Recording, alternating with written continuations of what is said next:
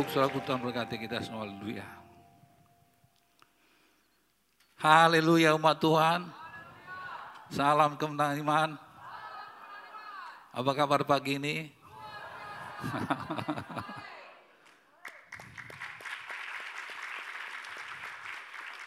Kebanjiran? Yang kebanjiran katakan amin. Kebanjiran berkat? Mana? Katakan amin. Yang kebanjiran berkat katakan haleluya. Ya berikan tepuk tangan bagi Yesus Tuhan kita. Karena kita tahu satu satu hal yang pasti, suratku yang kasih, sekalipun suratku yang kasih, masa pandemi seperti ini, nanti waktu, sorry, masa pandemi seperti ini kita belum menuai, tapi nanti selesai masa pandemi, percayakan saudara bahwa semua yang kita sudah tahu pasti kita tuai. Haleluya. Perempuan Sulam itu meninggalkan tempat halam kampung halamannya selama tujuh tahun. Haleluya. Tapi ketika dia kembali, dia mendapatkan semua hasil daripada tujuh tahun tersebut. Yang percaya itu dia dapatkan kembali, katakan haleluya. Berikan tepuk tangan sekali lagi bagi Tuhan kita Yesus. Haleluya. Saya hari ini berdiri depan saudara karena Tuhan sungguh mengasihi saudara. Haleluya. Saya dari Gembala tahu betul apa yang kami katakan ini. Saya katakan ini karena Tuhan sungguh mengasihi saudara. Yang percaya Tuhan mengasihi dia katakan amin. Baik kami ada untuk melayani saudara. Haleluya. Baik saudaraku kita akan lanjutkan kepada perjalanan iman yang luar biasa ini. Mari kita buka Alkitab kita di kitab 2 Raja pasal 12. Dan kita akan membaca 1 sampai dengan 9. Judul daripada firman Tuhan hari ini adalah peranan seorang pembimbing rohani. Haleluya. Kita semua sungguh sangat membutuhkan pembimbing dalam hidup kita. Bukan saja saudara, tapi saya juga. Saya sangat membutuhkan. Haleluya.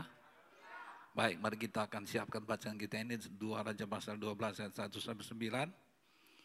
Dan sebelum kita membacanya, mari kita akan menyambut kalau ada di antara kita yang baru pertama kali datang beribadah di sini. Dan oleh karena itu bagi saudara kami yang baru pertama kali datang beribadah di sini, tolong angkat tangannya sebentar supaya kalian boleh menyambut saudara, menyalami saudara yang baru pertama kali datang. Ada?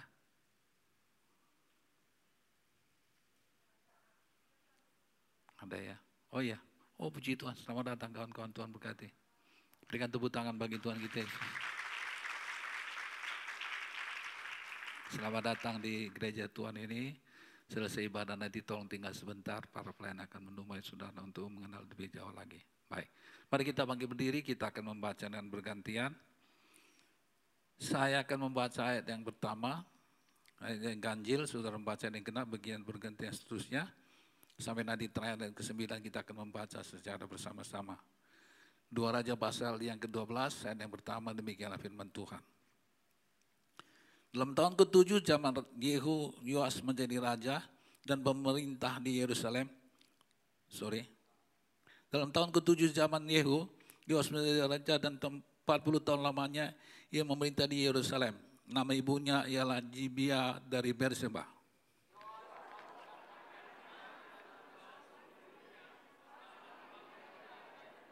Amin.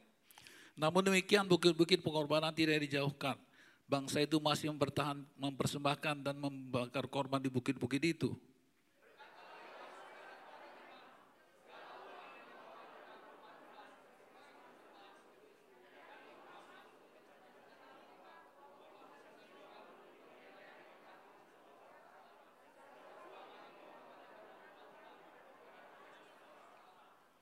Baiklah para imam sendiri menerimanya masing-masing dari kenalannya dan memakainya untuk memperbagi yang rusak pada rumah itu di mana saja terdapat kerusakan.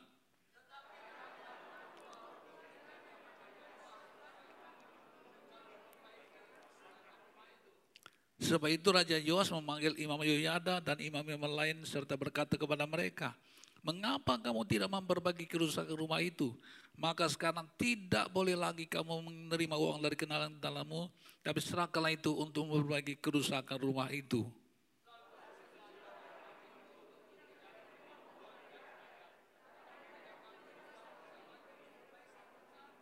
Sama-sama. Kemudian Imam Yoyanda mengambil sebuah peti, membuat lubang pada tutupnya, dan seluruhnya di samping mesbah, di sebelah kanan apabila orang masuk ke dalam rumah Tuhan. Para imam penjaga pintu menaruh ke dalamnya segala uang dibawa orang ke dalam rumah Tuhan. Katakan amin. Katakan haleluya. Salam kemenangan iman. Tantangan sebesar apa pun. Masalah sebesar apa pun. Pergumulan sebesar apa pun. Dapat saya atasi dengan iman sekecil apa pun. Yang tetap percaya itu berikan tepuk tangan bagi Yesus.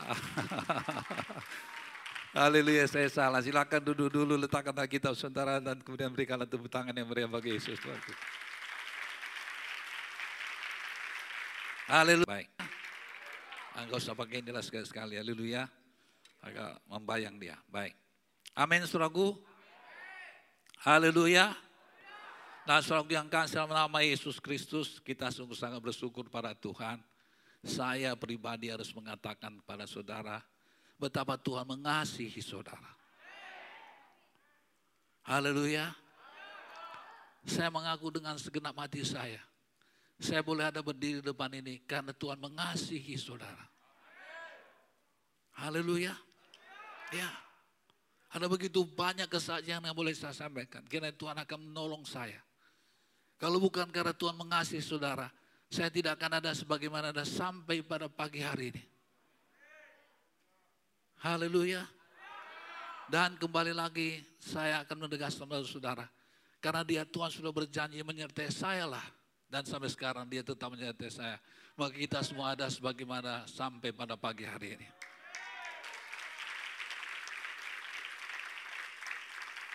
Haleluya. Nah, saudara yang kasih dalam nama Yesus Kristus, firman Tuhan pada hari ini akan banyak mengulang dan mengingatkan kita akan kebenaran yang telah kita terima beberapa minggu ini. Ya, agar firman itu benar-benar menempel di hati dan pikiran kita dan menuntun langkah kaki kita dan perbuatan kita. Apa kata Musa dalam kitab ulangan pasal 6 ayat 6 sampai 9 saya membaca itu saudara. Apa yang kuperintahkan kepadamu pada hari ini kata Musa haruslah engkau perhatikan. Dan haruslah engkau mengajarkannya berulang-ulang. Berapa kali? Berulang-ulang kepada anak-anakmu dan bicarakannya apabila engkau duduk di rumahmu, apabila engkau sedang berdalam perjalanan, apabila engkau berbalik dan apabila engkau bangun. Ayat yang ke-8. Harus engkau mengingkatkannya kepada tanda sebagai sebagai tanda pada tanganmu dan haruslah itu menjadi lambang di dahimu dan harus engkau menuliskannya pada tiang pintu rumahmu dan pada pintu gerbangmu. Haleluya. Nah saudaraku yang kasih dalam nama Yesus Kristus. Alkitab mengajarkan kita untuk mengajarkan berulang-ulang kebenaran itu. Jangan sampai kebenaran yang begitu berharga. Haleluya.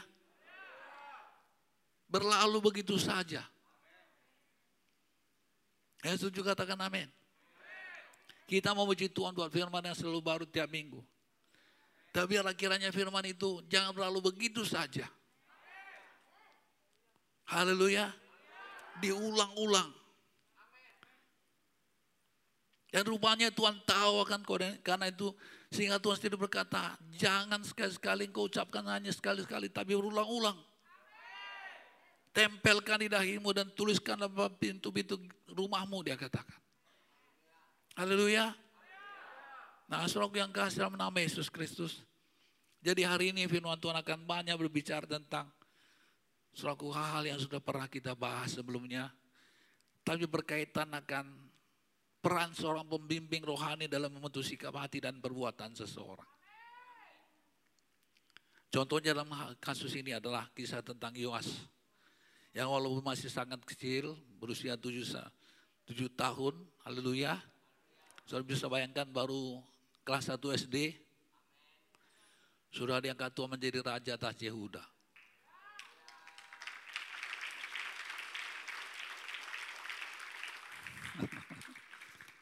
Saya kadang-kadang heran kenapa tepuk tangan. ya. Nanti kita akan bahas itu. Haleluya saudara. Tapi memang kenyataannya demikian. Barulah satu SD Tuhan sudah angkat jadi raja. Bolehlah tepuk tangan.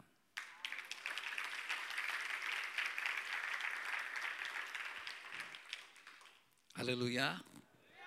Tapi maunya harus mengerti kenapa tepuk tangan. Haleluya.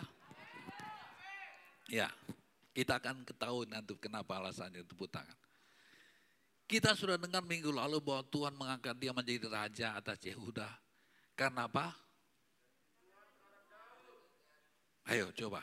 Makanya ini perlu. Kenapa Tuhan mengangkat orang yang masih kelas 1 SD jadi raja di Yehuda? Karena Tuhan sudah berjanji kepada Daud bahwa keturunan Daud akan tetap jadi raja sampai selama-lamanya. Makanya ini perlu diulang-ulang. Sebab saudara mesti ingat kalau Tuhan sudah berjanji dia pasti akan menepati.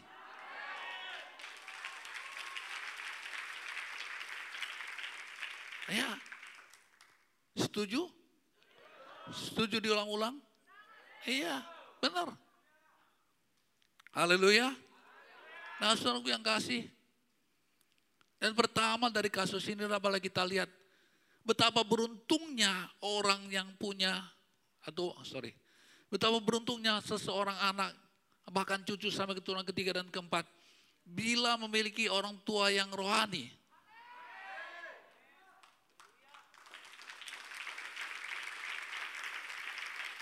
Saya ulangi lagi. Dari kasus ini dapat kita lihat betapa beruntungnya seorang anak bila memiliki orang tua bahkan kakek nenek yang rohani. Haleluya. Karena mereka akan mendapatkan berkat daripada kerohanian atau ke apa namanya kesungguhan daripada orang tua atau kakek nenek mereka. Haleluya. Buktinya siapa? Yoas ini. Nanti kita akan lihat itu. Sebenarnya stroke yang kasih, gak ada dasar untuk dia diangkat. Tetapi karena Tuhan sudah berjanji kepada siapa tadi? Daud. Haleluya. Nah yang kasih dalam nama Yesus. Beberapa minggu ini kita sudah mendengar bahwa Tuhan memberkati Isa. Karena Abraham ayahnya. Bahkan Tuhan menunda dan mengurangi hukuman atas dosa Salomo. Karena siapa? Daud ayahnya. Jadi mari saudara, bersyukurlah. Punya orang tua yang rohani.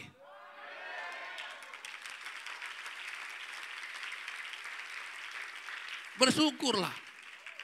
Ini fakta Alkitab. Satu Raja pasal 11 ada yang ke-11 sampai 13. Saya akan mohon Ibu Gembala untuk membacanya. Satu Raja 11 ayat 11 sampai 13. Satu Raja pasal 11 ayat 11 sampai 13.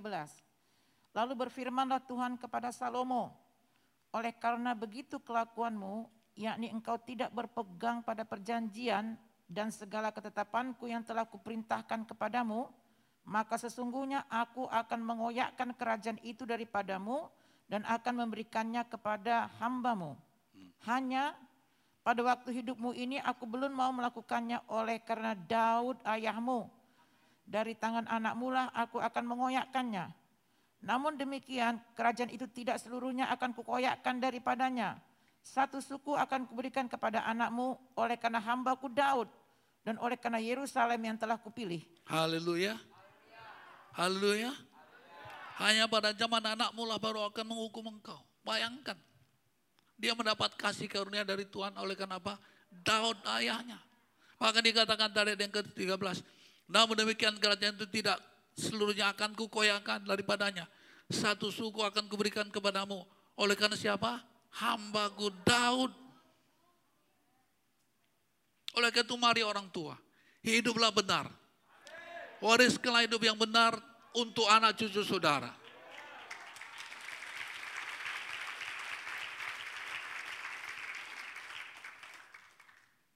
Walaupun wariskan uang yang banyak tapi hasil dari yang tidak benar. Akan membuat masalah. Ada begitu banyak kita melihat contohnya.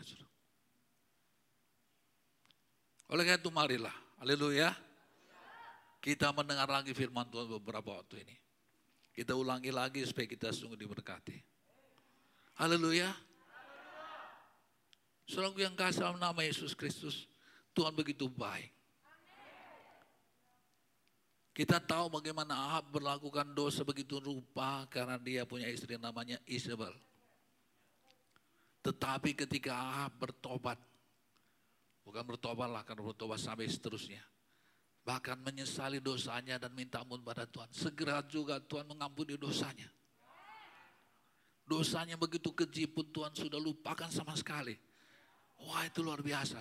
Coba kita lihat kembali dari ayat itu satu Raja pasal 21 29 Supaya kita mengerti betapa yang Tuhan kehendaki adalah apa? Pertobatan. Satu Raja 21, 29.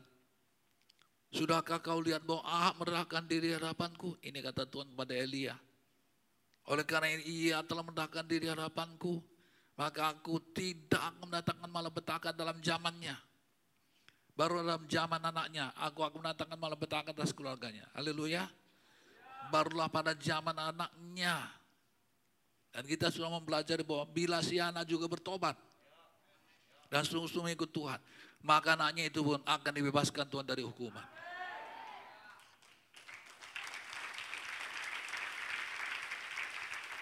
Inilah Tuhan yang kita sembah. Jadi semua tergantung kepada yang bersangkutan. Tidak peduli bagaimana kakek nenek saudara, bila saudara benar dalam Tuhan, maka berkat Tuhan akan turun atas kepala saudara.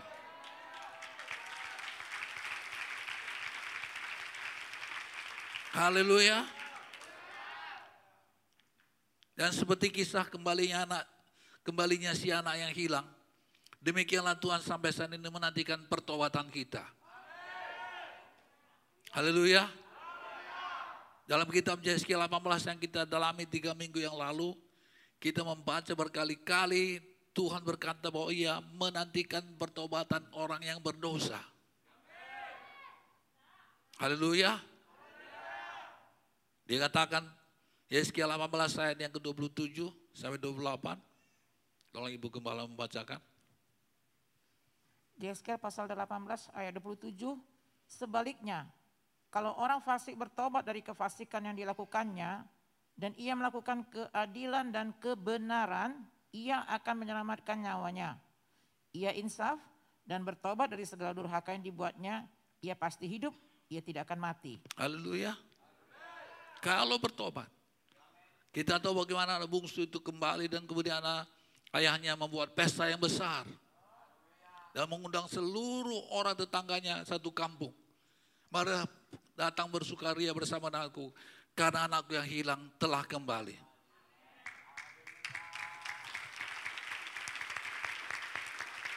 Haleluya. Dan pasal 18 dalam kitab Yeskiel tersebut, sok yang kasih, ayat yang ke-32 ditutup dengan satu perkataan begini. Sebab aku, Yeskiel 32 ayat yang, sorry, pasal 18 ayat yang ke-32. Sebab aku tak ber, tidak berkenan kepada kematian seorang yang harus ditanggungnya. Demikianlah firman Tuhan Allah. Oleh sebab itu apa? Bertobatlah supaya kamu hidup.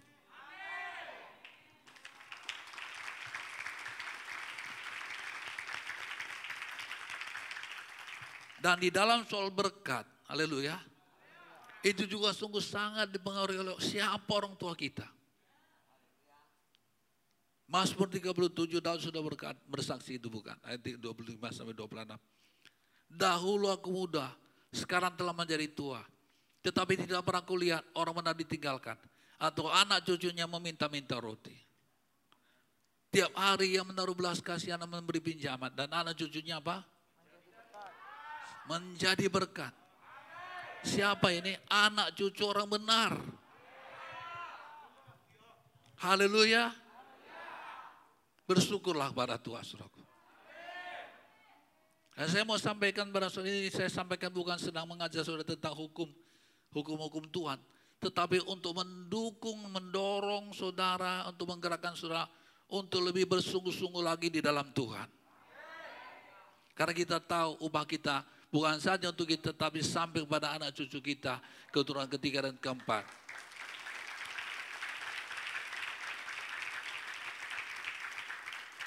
Mari kita kembali kepada serial kita. Haleluya. Yoas yang sedang kita bicarakan ini, saya nggak sempat hitung. Keturunan keberapakah dari Daud. Tetapi ia seperti tadi kita sudah tahu. Minggu lalu kita sudah baca itu, mendengar itu. Dia diangkat Tuhan menjadi raja pada usia berapa tahun? Tujuh tahun. Nah sekarang coba kita buka pikiran. Menurut saudara, apakah hal itu sesuatu yang wajar? Iya. Apakah hal itu merupakan lebih dalam sedikit lagi, amin? Apakah saudara pikir itu merupakan rencana Tuhan yang sejak semula? Ayo, biar kita ngerti jalan-jalan Tuhan. Karena banyak sekali orang berpikir, ini sudah nasib, sudah diatur begitu rupa oleh Tuhan. Hari ini kita akan belajar tentang jalan-jalan Tuhan. Yoas menjadi raja pada usia berapa tahun? Tujuh tahun. Apakah sudah pikir itulah jalan-jalan Tuhan? Apakah itu sudah pikir direncanakan Tuhan? Tidaknya harus dengan pengertian. Jangan asal berkata tidak. Karena terus terang saja banyak orang pikir itu memang sudah ditakdirkan Tuhan. Lu ya? Jawabannya tentu saja tidak. Walaupun Tuhan kita memang Tuhan yang ajaib. Tidak terduga jalan dan rencananya.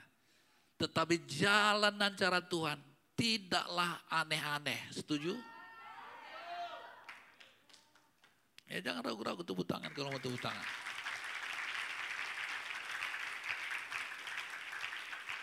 Walaupun Bang Iman asal nyanyikan, jalanmu tak terselami gitu. Gimana Bang? Haleluya. Memang jalannya stok yang kasih nggak pernah dapat kita duga.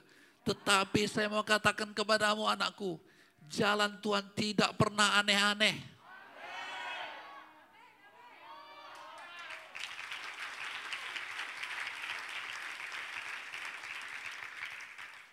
Tuhan tidak akan pernah merencanakan atau menempatkan sesuatu yang tidak pada tempatnya. Ingatlah selalu bahwa rencana atau rancangan Tuhan itu adalah rancangan apa? Damai sejahtera dan bukan rancangan kecelakaan untuk memberikan kepada kita masa depan yang penuh pengharapan. Memang dia Tuhan yang ajaib. Bagi dia tidak ada mustahil. Tapi jalan-jalannya tidak aneh-aneh. Haleluya. Haleluya. Dia sanggup melakukan segala perkara. Tapi jalan-jalannya adalah jalan yang normal. Haleluya.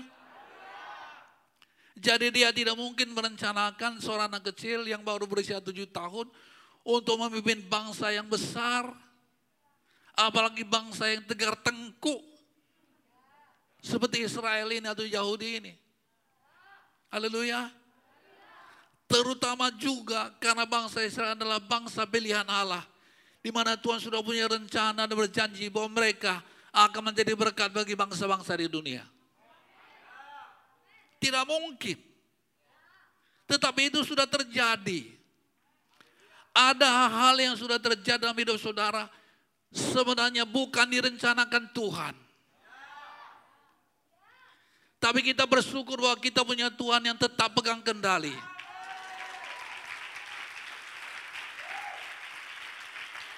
Haleluya.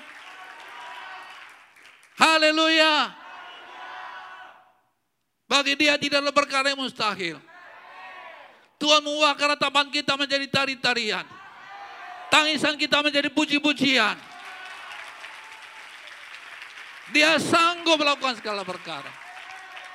Tetapi sekali lagi suraku jalan-jalan Tuhan tidaklah jalan yang aneh-aneh.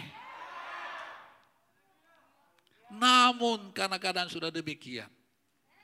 Di mana nenek Atalia akan menghabisi seluruh keturunan Daud. Yang masih ingat kisah itu katakan amin. Maka Tuhan mengambil alih semua situasi dan kondisi. Dan membuat sesuatu yang tidak mungkin menjadi mungkin. Dia membuat sesuatu yang tidak wajar menjadi wajar. Dan akhirnya membuat yang tidak mampu menjadi mampu. Bukan semata-mata karena ia Tuhan yang Maha Kuasa sanggup melakukan segala perkara. Tetapi karena ia sudah berjanji kepada Daud bahwa keturunannya akan menjadi raja untuk berapa lama? Selama-lamanya. That is the way of God.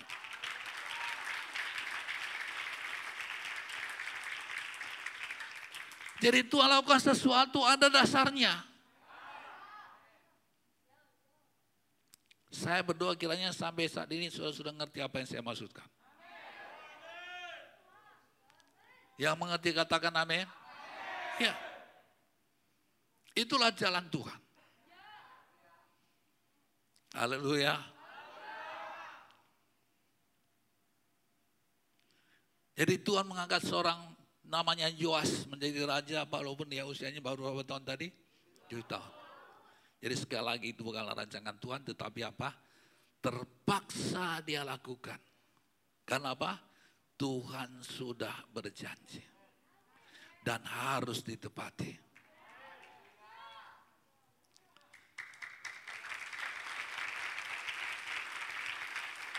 Inilah posisi Tuhan. Tuhan sudah berjanji dan harus ditepati. Minggu yang lalu kita sudah dengar bahwa Tuhan memelihara dan akan tetap memberkati hidup kita karena atau melalui tiga cara atau tiga alasan. Alasan yang pertama, kenapa Tuhan memberkati kita? Karena apa? Tuh. Karena kita melakukan kebenaran. Makanya saudara ya. Kalau nggak diulang begini nanti lupa. Tapi saya bersyukur sekarang sudah ada program untuk aku yaitu uh, apa namanya Spotify di di apa namanya di internet apa sih namanya itu program Google ya atau apa. Nggak ngerti lah saya. Pokoknya ada Spotify namanya. So bisa dengarkan khotbah saya kembali di situ. Lalu ya. Saya juga sedang minta tim RBM untuk menyiapkan Eh, apa namanya paket khusus pelayanan saya, mungkin Bati Ginting Ministries atau apa, Victoris Ministry atau apa namanya, yang khusus untuk khotbah. Karena kalau untuk apa namanya kebaktian dari awal sampai akhir tiga jam mungkin terlalu lama. Saya mau pisah antara pujian penyembahan, pujian penyembahan khusus sendiri juga, haleluya. Kemudian antara khotbah juga sendiri khusus. Supaya kita bisa dengar lagi. Haleluya. Saudara yang kasih dalam nama Yesus Kristus. Minggu lalu kita sudah dengar bahwa ada tiga alasan atau tiga cara Tuhan memberkati kita. Cara yang pertama karena apa? Karena kita melakukan apa? Kebenaran. Haleluya. Kalau kita memang benar, katakan amin. Tuhan pasti memunculkan kebenaran kita seperti terang di siang hari. Mazmur 37 ayat 5 dan 6. Haleluya. Serahkanlah hidupmu kepada Tuhan dan percayalah kepadanya dan ia akan apa? Bertindak. Iya Tuhan akan memunculkan kebenaranmu seperti terang dan hakmu seperti siang. Jadi kau selama memang benar kau usah khawatir. Tuhan pasti memunculkan kebenaran saudara. Haleluya. Pak, bagaimana kalau saya tidak benar Pak? Kan itu minggu lalu bukan? Tapi saya membutuhkan berkat Tuhan. Bagaimana Pak caranya? Tuhan pasti juga akan memberkati kita. Karena apa? Iya, Tuhan mengasihi kita.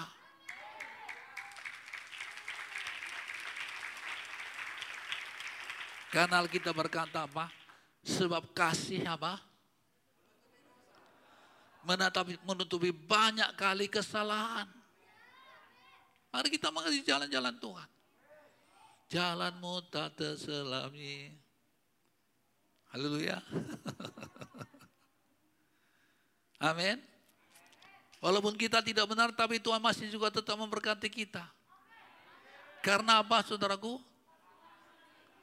Karena Tuhan mengasihi kita. Satu Petrus pasal 4 ayat 8b dikatakan, sebab kasih menutupi apa? Banyak sekali dosa. Dan karena begitu besar kasih Allah akan dunia ini, sehingga dia mengurniakan anak yang tunggal supaya setiap orang percaya kepadanya tidak binasa melainkan beroleh hidup yang kekal.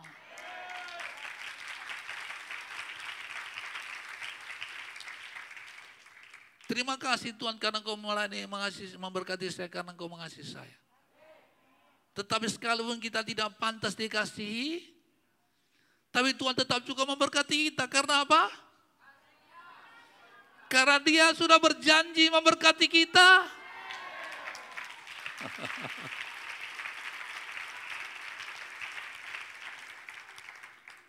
Haleluya.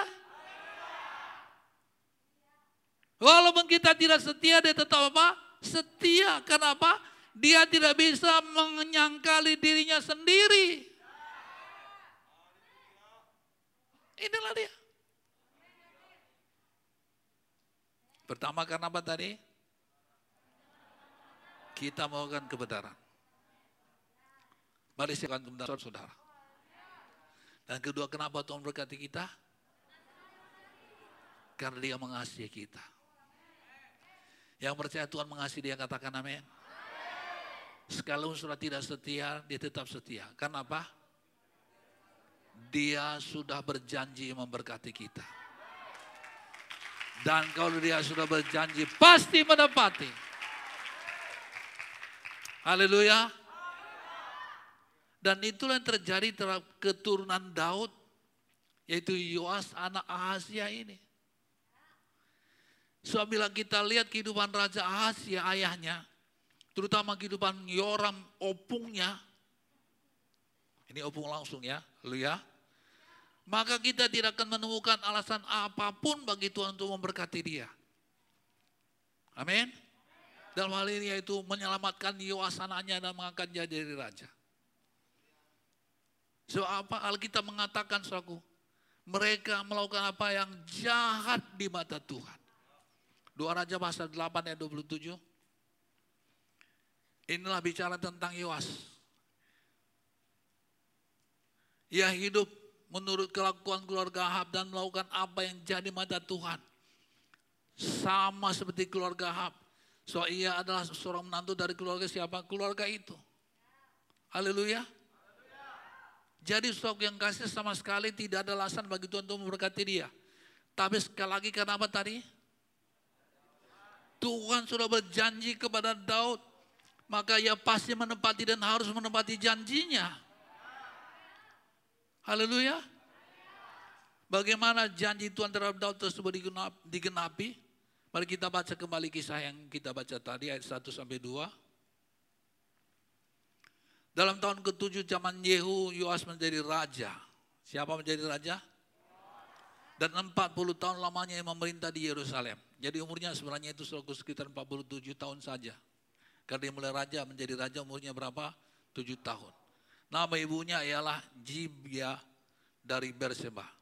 Ayat yang kedua sama-sama kita baca dua tiga ya.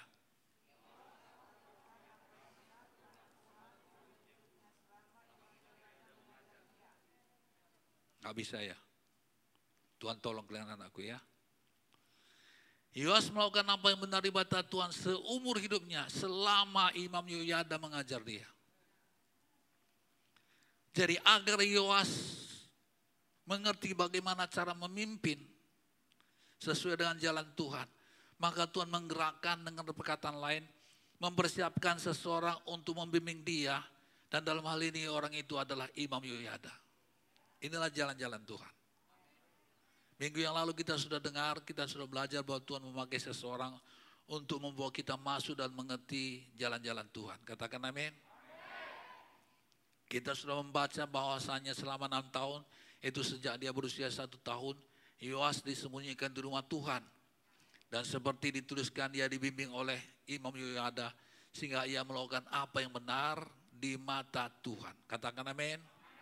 Ya, kita sudah tahu bahwa di rumah Tuhan kita apa? Diajari Yesaya pasal 2 yang kedua dan tiga dikatakan, dan banyak suku bangsa akan pergi serta berkata ayat 3, mari kita naik ke gunung Tuhan, ke rumah Allah Yakub, supaya ia apa? mengajar kita tentang jalan-jalannya dan supaya kita berjalan menempuhnya.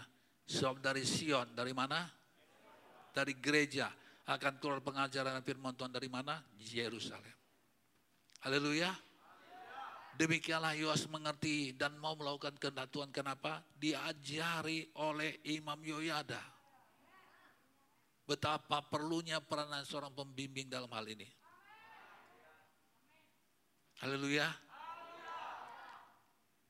Dia yaitu Raja Yoas yang masih kecil ini berinisiatif dan menyuruh para imam untuk mem kembali membangun rumah Tuhan sebagai tempat peribadatan. Dua Raja pasal 12 ayat 4 dan 5. Saya minta Ibu Gembala membacakannya.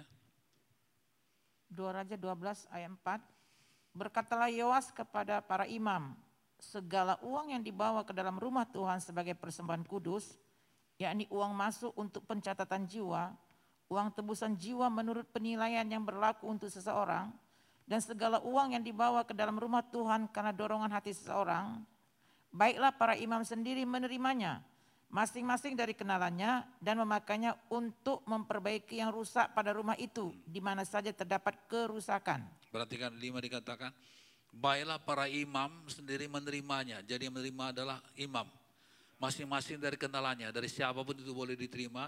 Dan memakainya itu apa? Memperbaiki yang rusak pada rumah itu. Jadi itu disiapkan untuk dana pembangunan gereja. Haleluya. Mestinya para imam itu senang bukan bila rumah Tuhan dibangun bukan? Karena mereka akan dapat melayani kembali, betul? Tetapi apa yang terjadi ayat yang ke-6? 6 dan 7 silakan Bu. Ayat 6, tetapi dalam tahun ke-23 zaman Raja Yoas para imam belum juga memperbaiki kerusakan rumah Tuhan itu. Ya, belum juga. 23 tahun. Tetapi dalam tahun ke-23, 23 tahun rumah tetap juga nggak dibangun-bangun. Kenapa nanti kita temukan jawabannya? Silakan ayat, Ayat 7, sebab itu Raja Yoas memanggil Imam Yoyada dan imam-imam lain serta berkata kepada mereka, mengapa kamu tidak perbaiki kerusakan rumah itu? Maka sekarang tidak boleh lagi kamu menerima uang dari kenalan-kenalanmu, tetapi serahkanlah itu untuk memperbaiki kerusakan rumah itu. Ya, dalam firman Allah yang hidup ayat ini dituliskan seperti berikut. Silakan Bu kembali baca. Menurut firman Allah yang hidup ayat 7, maka Yoas memanggil Imam Yoyada serta para imam lainnya dan bertanya kepada mereka, mengapa kalian belum memperbaiki bangunan bait Allah sebagaimana mestinya? Sekarang janganlah kalian memakai uang dari kenalan-kenalan kalian itu untuk kebutuhan pribadi, melainkan semuanya harus digunakan untuk memperbaiki bait Allah. Hmm. Jadi rupanya para imam itu atau hamba Tuhan itu menggunakan dana pembangunan gedung gereja, dana proyek Nehemia untuk keperluan pribadi. Inilah dia rupanya, 23 tahun. Untuk kepentingan pribadi berarti apa? Korupsi. Ini sangat berbahaya, saudaraku. Haleluya. Karena Timotius, kawan Paulus berkata kepada Timotius dalam 1 Timotius 6 ayat ke-10. Karena akar, yaitu apa? Sumber segala kejahatan itu apa? Cinta uang. Cinta uang, bukan uang tetapi apa? Cinta uang. Bukan duitnya tapi mata duitan.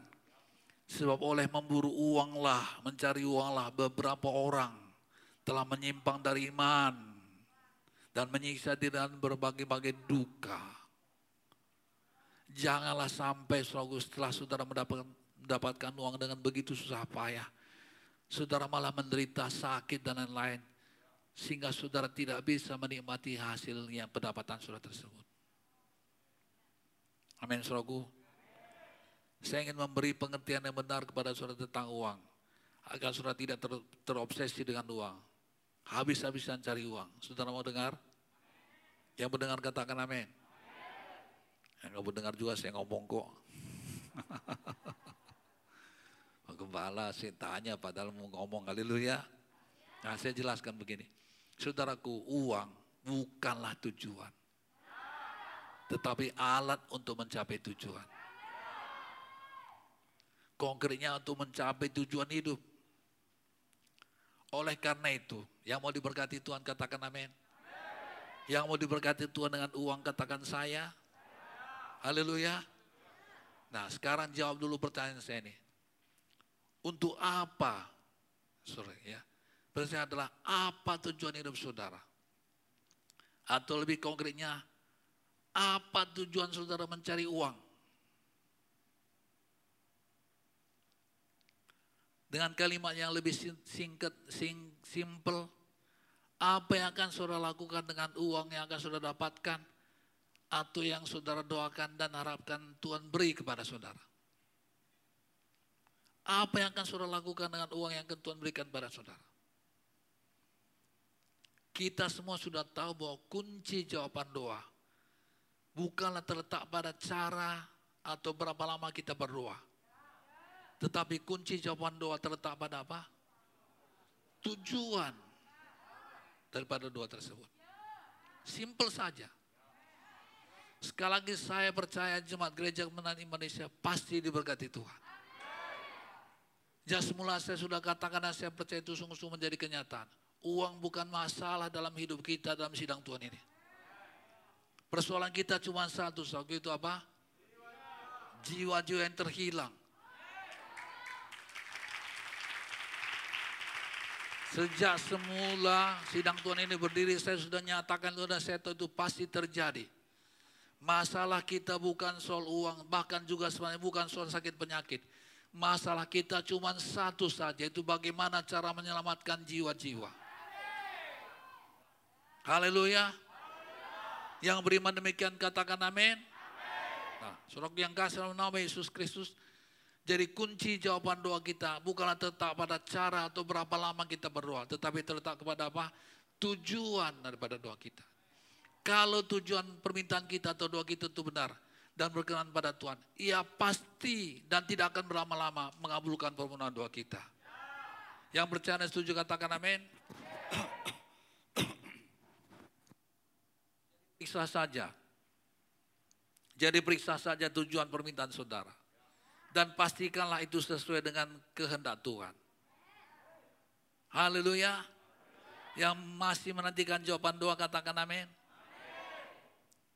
Coba saya ingin tanya, coba saya mau lihat siapa yang sedang menantikan jawaban doa sekarang.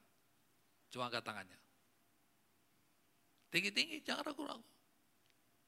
Apa yang sedang surah doakan? Tinggi-tinggi. Haleluya. Untuk apa yang sudah minta? Turunkan tangan saudara. Gak usah jawab pada saya, tapi jawablah pada Tuhan. Karena itu adalah kuncinya. Haleluya. Apa kata Yakobus? Yakobus pasal 4 yang kedua dan tiga. Saya minta Ibu Kepala membacanya. Yakobus 4 ayat 2.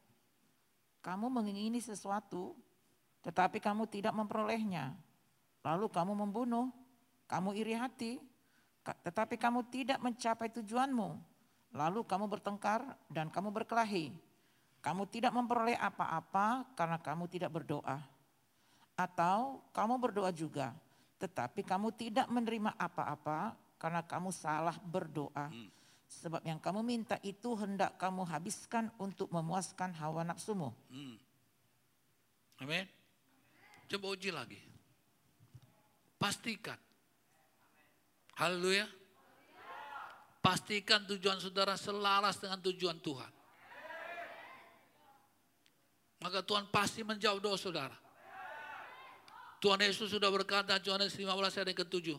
Minta apa saja maka akan diberikan kepadamu. Dia Tuhan kita, Tuhan yang maha kuasa, sanggup melakukan segala perkara. Yang sampai sekarang masih percaya bahwa Tuhan sanggup melakukan segala perkara, katakan amin. Kenapa dia berlama-lama? Padahal dia sendiri berkata, pergunakanlah waktu-waktu yang ada ini. Amin. Haleluya. Oleh itu mari uji kembali. Kenapa Tuhan belum juga menjawab doa saudara, mengabulkan permohonan saudara? Haleluya. Nah, Demikian rupanya sebagai yang kasih. Pembangunan bait Allah itu menjadi tertunda kenapa tadi? Imam-imam itu korupsi. Memakai uang proyek Nehemia untuk kepentingan pribadi. Tapi puji Tuhan, para imam tersebut masih bisa disadarkan. Dan mereka bersedia untuk menggunakan uang tersebut sebagaimana mestinya. Ayatnya yang ke-8, Lalu setujulah para imam itu untuk tidak menerima uang dari rakyat. Tetapi mereka pun tidak usah lagi memperbaiki kerusakan rumah itu. Haleluya. Jadi mari kita setuju bahwa kebenaran harus ditegakkan. Haleluya. Yang salah tetap salah, yang benar tetap benar. Katakan amin. Nah, oleh karena itu diangkatlah para pekerja untuk mengerjakan pekerjaan itu. Jadi maksudnya diaturlah sedemikian rupa uang untuk pembangunan hanya boleh dipakai untuk pembangunan. Tidak boleh dipakai untuk apa? Kepentingan pribadi. Haleluya. Konkretnya ada aturan yang diaturkan, ditetapkan dan semua harus apa? Mematuhinya. Katakan amin. Lalu kemudian ayatnya yang saya loncat sedikit ya. Haleluya. Dari bacaan kita tadi ayat yang ke-11 dikatakan apa? Silakan Bu Gembala. Ayat 11, mereka menyerahkan jumlah uang yang ditentukan ke tangan para pekerja yang diangkat mengawasi rumah Tuhan dan mereka ini membayarkannya kepada tukang-tukang kayu, kepada tukang-tukang bangunan yang mengerjakan rumah Tuhan itu. Ayat 16 loncat sedikit. Tetapi uang korban penebus salah dan uang korban penghapus dosa tidaklah dibawa ke dalam rumah Tuhan. Sebab semuanya itu adalah bagian para imam. Ya. Haleluya. Jadi ada uang untuk pembangunan, ada uang untuk para imam. Jelaslah posnya masing-masing. Katakan amin. Demikianlah semuanya berjalan dengan lancar. Dan aturan penggunaan uang dengan jelas. Apa dan ke mana. Mari kita juga melakukan yang sama. Haleluya. Haleluya. Berikan tepuk tangan bagi Tuhan kita.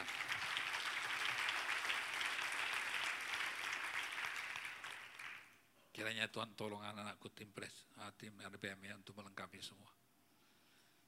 Tetapi rupanya ada satu hal yang mereka tidak lakukan, saudaraku. Itu ayat yang ketiga, perhatikan yang ketiga, saya baca kembali dua raja pasal yang ke-12 ayat yang ketiga tadi. Namun demikian bukit-bukit pengorbanan tidaklah dijauhkan. Wow. Semuanya sudah begitu baik tetapi ternyata apa? Bukit-bukit pengorbanan tidaklah dijauhkan. Bangsa itu masih mempersembahkan dan membakar korban di bukit-bukit itu. Waduh, inilah yang salah, ini yang menyedihkan. Tentu saja hal ini sangat tidak berkenan pada Tuhan. Amin. Membangun rumah Tuhan tapi berhala dipelihara juga. Waduh. Kita tidak tahu saudaraku. Apakah Yoas yang tidak mau menjauhkannya atau pemimpin rohani tadi gembala sidang yang tidak menegaskannya. Sehingga jemaat masih juga punya dua sembahan, satu Tuhan, satu lagi berhala. Waduh, saudaraku, sangat menyedihkan. Kita tidak tahu, tetapi bila kita lihat, perhatikan ayat yang ketujuh tadi. Di mana Yoas memanggil, ayat yang ketujuh. Setelah itu Raja Yoas memanggil dengan perkataan lain menegur Imam Yoyada dan imam-imam yang lain serta berkata kepada mereka, mengapa kamu tidak memperbaiki kerusakan rumah itu? Maka sekarang tidak boleh lagi kamu menerima uang dari kenalan-kenalanmu, tetapi serahkanlah itu untuk memperbaiki apa? Kerusakan rumah itu.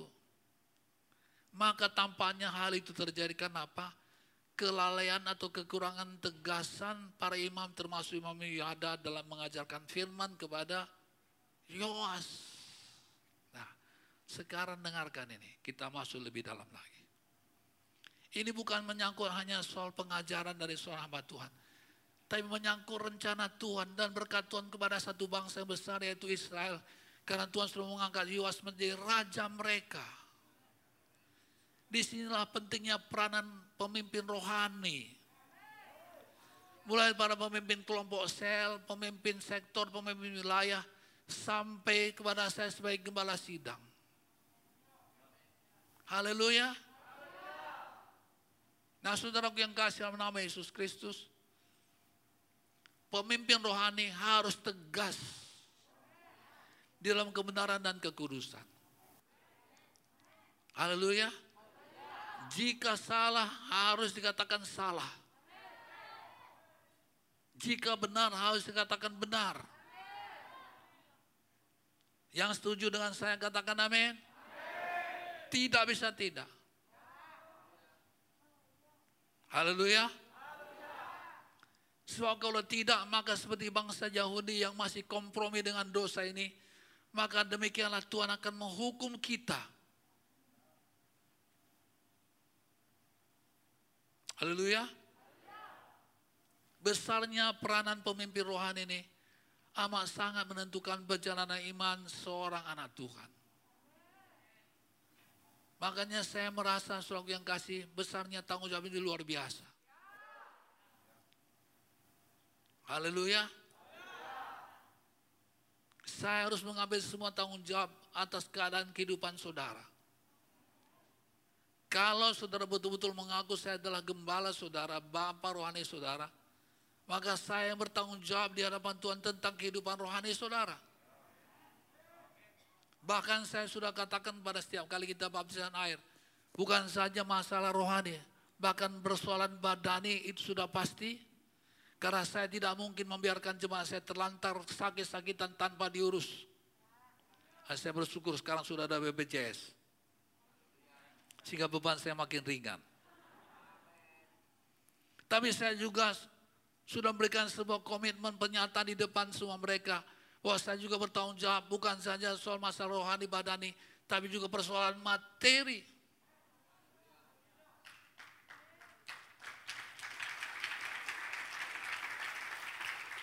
Apakah saudara setuju bahwa tidak boleh ada jemaat gereja ke mana Indonesia yang tidak makan karena tidak punya uang?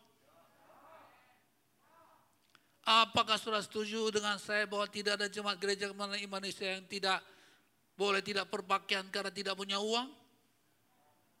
Yang setuju katakan amin. Jadi saya akan urus mereka. Tapi kenapa mereka sampai tidak punya uang, tidak punya pakaian? Harus saya tanya dengan jelas. Jangan jual karena penyebabnya karena mereka malas. Karena Alkitab juga berkata, pemalas jangan dikasih makan. Tidak usah orang yang tidak punya uang.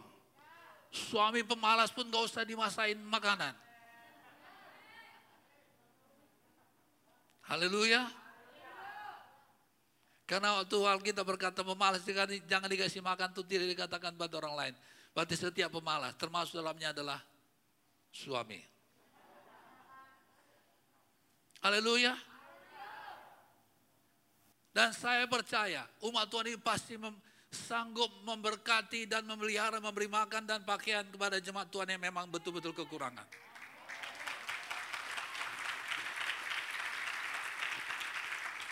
Saya tidak tahu, tapi tadi pagi sempat kali sebet telepon saya nanti mungkin di pengumuman dijelaskan bagaimana cara kita mengumpulkan diakonia semua dengan banjir sekarang ini. Tidak usah jemaat gereja kemarin Indonesia. Orang lain pun kita perhatikan. Karena kita harus melayani dengan cara diakonia seperti yang sudah kita tetapkan. Haleluya. Ada pengurus diakonia bukan? Haleluya. Nah, jadi stok yang kasih dalam nama Yesus Kristus. Itulah peranan seorang pemimpin rohani. Dan dalam kasus ini, selama Imam Yoyada mengajar dan mendidik Yoas dengan benar, itu sesuai dengan firman Tuhan, maka semua berjalan dengan baik. Yoas melakukan apa yang benar seumur hidupnya. Dalam kitab 2 Raja pasal yang kedua, pasal 12 ayat yang kedua tadi katakan, Yoas melakukan apa yang benar di mata Tuhan seumur hidupnya. Berapa lama? Selama Imam Yuyada mengajar dia. Selama, selagi, semasih. Dalam King James Version dikatakan wherein, jadi sementara, selagi. Selama diajari maka dia tetap melakukan apa yang harus dia lakukan. Tetapi setelah matinya Imam Besar Yoyada, nah perhatikan sekarang terjadilah sesuatu yang begitu menyedihkan atas bangsa itu. Mari kita baca sekarang kisah yang menyedihkan itu. 2 Tauri 24 ayat ke-15. Yoyada, ya ini padanannya, suatu dalam kitab 1 2 Tauri adalah padanan pada satu dan dua raja-raja. Yoyada menjadi tua dan lanjut umur. Lalu apa? matilah ia 130 tahun umurnya ketika ia mati. Ia dikuburkan di kota Daud di samping raja-raja karena perbuatan-perbuatan yang baik di Israel terhadap Allah dan rumahnya. Kiranya Tuhan memberkati kita dengan umur yang panjang dan tubuh yang sehat. Haleluya.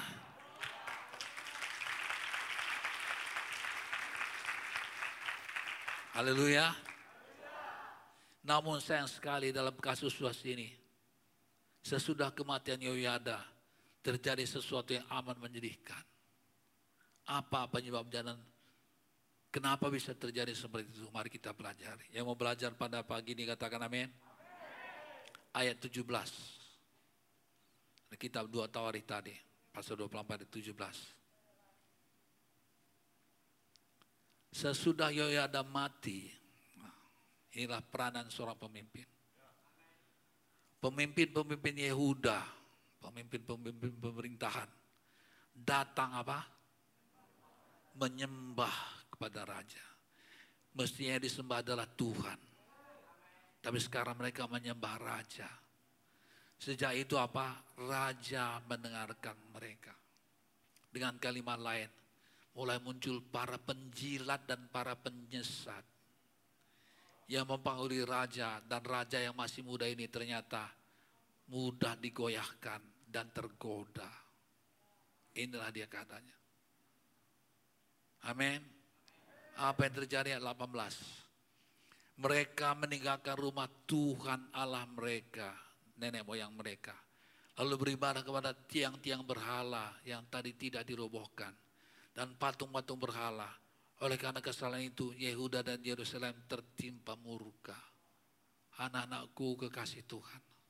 Begitu luar biasanya berkat sudah Tuhan berikan bagi kita. Janganlah kita mundur serta apa pun dari kebenaran itu. Janganlah kita goyah sedikit pun di dalam kebenaran itu. Haleluya. Ini luar biasa saudara. Sebenarnya dia tidak layak, tapi dilayakkan Tuhan yang Tuhan jadi raja.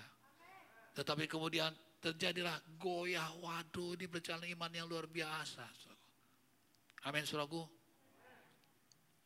Tuhan kiranya menolong kita, terutama menolong saya dan Ibu Gembala, haleluya. Untuk tetap berpegang teguh kepada kebenaran firman Tuhan. Dari selama-lamanya sampai selama-lamanya firman Tuhan tetap jadi pedoman dan pedoman, pedoman kehidupan, pegangan kehidupan kita. Saya ulangi, dari selama-lamanya sampai selama-lamanya. Firman Tuhan tetap jadi pedoman dan pegangan kehidupan kita. Haleluya. Kalau saudara lihat saya salah, beritahu saja. Pak Gembala saya kurang setuju dengan acara seperti ini, dengan model seperti ini, dengan kalimat, dengan kondisi seperti ini. Silakan. Saya tentu sangat senang bila melihat ada hal seperti itu. Haleluya. Lalu selanjutnya apa yang Tuhan berbuat pada mereka? Mari kita lihat ini. Inilah sejak kapan Yoyada mati. Apa yang terjadi ayat 19? Ya, sesudah mereka menjauhi rumah Tuhan tadi. Namun Tuhan mengutus nabi-nabi kepada mereka. Supaya mereka, siapa? Supaya mereka berbalik kepadanya. Nabi-nabi itu sungguh-sungguh memperingatkan mereka tetapi mereka apa? Tidak mau mendengarkannya. Gak bisa muncul rupanya ya. Namun Tuhan mengutus nabi-nabi kepada mereka. Silakan lihat dalam kitab saudara atau uh, catatan saudara.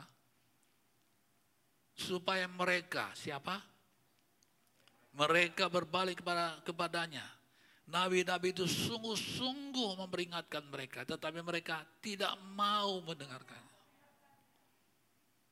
Nah, saudara yang kasih, tadi malam sementara sedang mengetikkan firman Tuhan ini, ketika membaca mereka berkali-kali dalam ayat yang ke-19 ini, coba perhatikan, mereka satu kali, dua kali, tiga kali, dan empat kali. Saya mengerti bahwa Tuhan ingin memberikan kepada kita satu contoh. Jangan sampai kita seperti mereka Namun Tuhan mengutus nabi-nabinya kepada mereka. Supaya mereka, bukan pada kita, tapi pada mereka. Katakan amin. Tapi daripada mereka kita bisa belajar. Kita sudah mengerti bahwa belajar dari pengalaman orang lain lebih baik daripada belajar dari pengalaman diri sendiri. Kita tidak perlu gagal dulu baru bisa menjadi berhasil, tapi kita berhasil, belajar, belajar dari kegagalan orang lain kita juga belajar dari keberhasilan orang lain. Haleluya. Yang mau belajar katakan saya. Lalu apa yang terjadi? Ayat yang ke-20. Roh Allah menguasai Jakaria, anak Imam Yoyada. Ia tampil di depan rakyat dan berkata kepada mereka, Beginilah firman Allah, mengapa kamu melanggar perintah-perintah Tuhan, sehingga kamu tidak beruntung, oleh karena kamu apa? Meninggalkan Tuhan, ia pun meninggalkan kamu. Waduh saudaraku, sedih sekali cerita ini. Semuanya yang begitu luar biasa, tidak patut tapi dipatutkan, tidak wajar tapi diwajarkan, tidak mungkin tapi dimungkinkan. Endingnya kok bisa begini? Kenapa? Pemimpin rohani sudah tiada. Mereka apa? Meninggalkan Tuhan. Maka Tuhan pun apa? Meninggalkan mereka. Kalau Tuhan sudah meninggalkan kita, apalagi yang bisa kita buat saudaraku. Apa yang terjadi lebih parah lagi berikutnya ayat 21 silakan Bu ayat 21 22. Ayat 21 tetapi mereka mengadakan persepakatan terhadap dia dan atas perintah raja mereka melontari dia dengan batu di pelataran rumah Tuhan. Hmm. 22. Raja Yoas tidak mengingat kesetiaan yang ditunjukkan Yoyada ayah Jakaria itu terhadap dirinya. Ia membunuh anak Yoyada itu yang pada saat kematiannya berseru, semoga Tuhan melihatnya dan menuntut balas. Hmm. Tetapi mereka mengadakan persepakatan terhadap dia. Dan atas perintah raja mereka melontari dia dengan batu di mana? Di pelataran rumah Tuhan. Jangan sampai hal ini terlintas pun dalam bayangan kehidupan kita. Haleluya. Haleluya. Karena mereka meninggalkan Tuhan, maka Tuhan pun apa? Meninggalkan mereka. Inilah akibatnya kalau seseorang sudah mengeraskan hati. Oleh itu jangan keraskan hati. Akuilah bahwa dosa itu adalah dosa.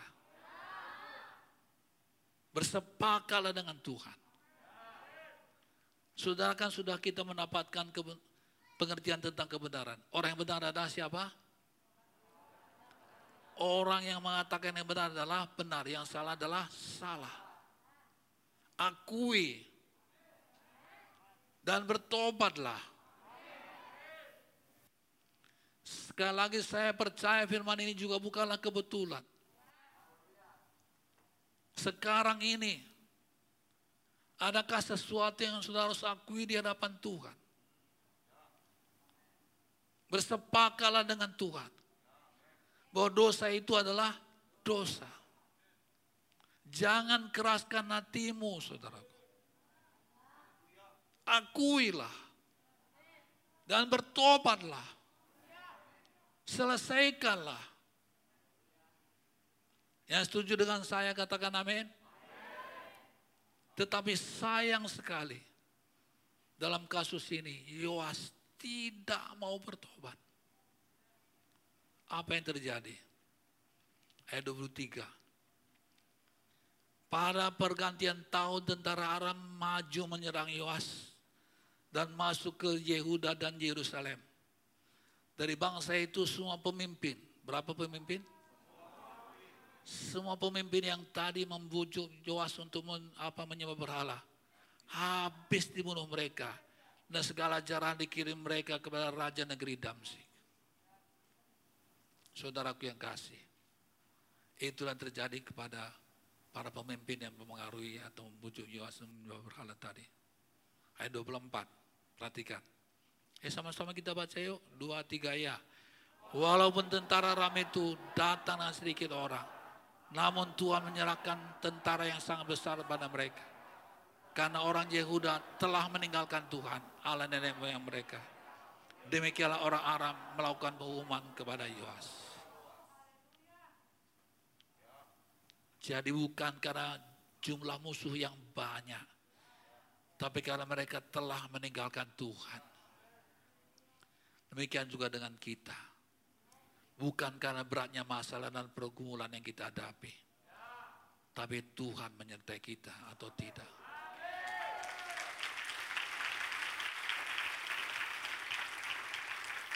Sebab kalau Tuhan di pihak kita, katakan kalau sebab Tuhan di pihak saya.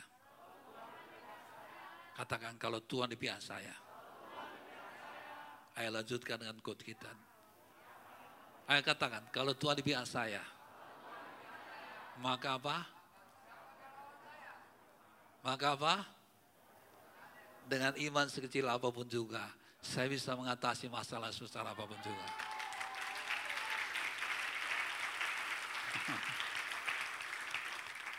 Haleluya.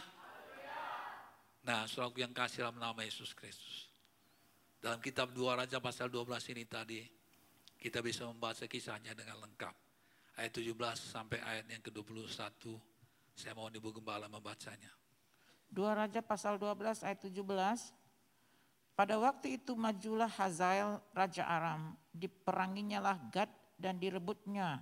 Kemudian Hazael berniat menyerang Yerusalem. Tetapi Yoas, Raja Yehuda, mengambil segala persembahan kudus yang telah dikuduskan oleh para leluhurnya, yakni Yosafat, Yoram, dan Ahazia, raja-raja Yehuda, dan persembahan-persembahan kudusnya sendiri, juga segala emas yang terdapat dalam pembendaraan rumah Tuhan dan istana raja. Dikirimkannya lah semua itu kepada Azael, Raja Aram. Maka tidak jadi lagi Azael menyerang Yerusalem. Hmm. Selebihnya dari riwayat Yoas dan segala yang dilakukannya, bukankah semuanya itu tertulis dalam kitab sejarah Raja-Raja Yehuda? Pegawai-pegawainya bangkit mengadakan persepakatan lalu membunuh Yoas di rumah Milo yang letaknya di, ke, di penurunan ke Sila. Yo Jakar anak Simeat dan Yo Jabat anak Somer ialah pegawai-pegawainya yang membunuh dia. Lalu ia dikuburkan di samping nenek moyangnya di kota Daud maka Amazia anaknya menjadi raja menggantikan dia. Katakan amin. Itulah ending ceritanya. Mari kita belajar banyak tentang hal ini. Tapi perhatikan bagian yang terakhir 21 D tadi. Maka Amazia anaknya, siapanya? Anak siapa ini? Anak Yoas, keturunan Daud. Tetap menjadi raja menggantikan dia janji Tuhan tetap juga ditepati, tetap juga dikenapi. Kekasihku dalam Tuhan. Demikianlah firman Tuhan pada pagi ini. Haleluya. Kiranya Tuhan memberkati kita semua melimpah-limpah Mari kita bangkit berdiri.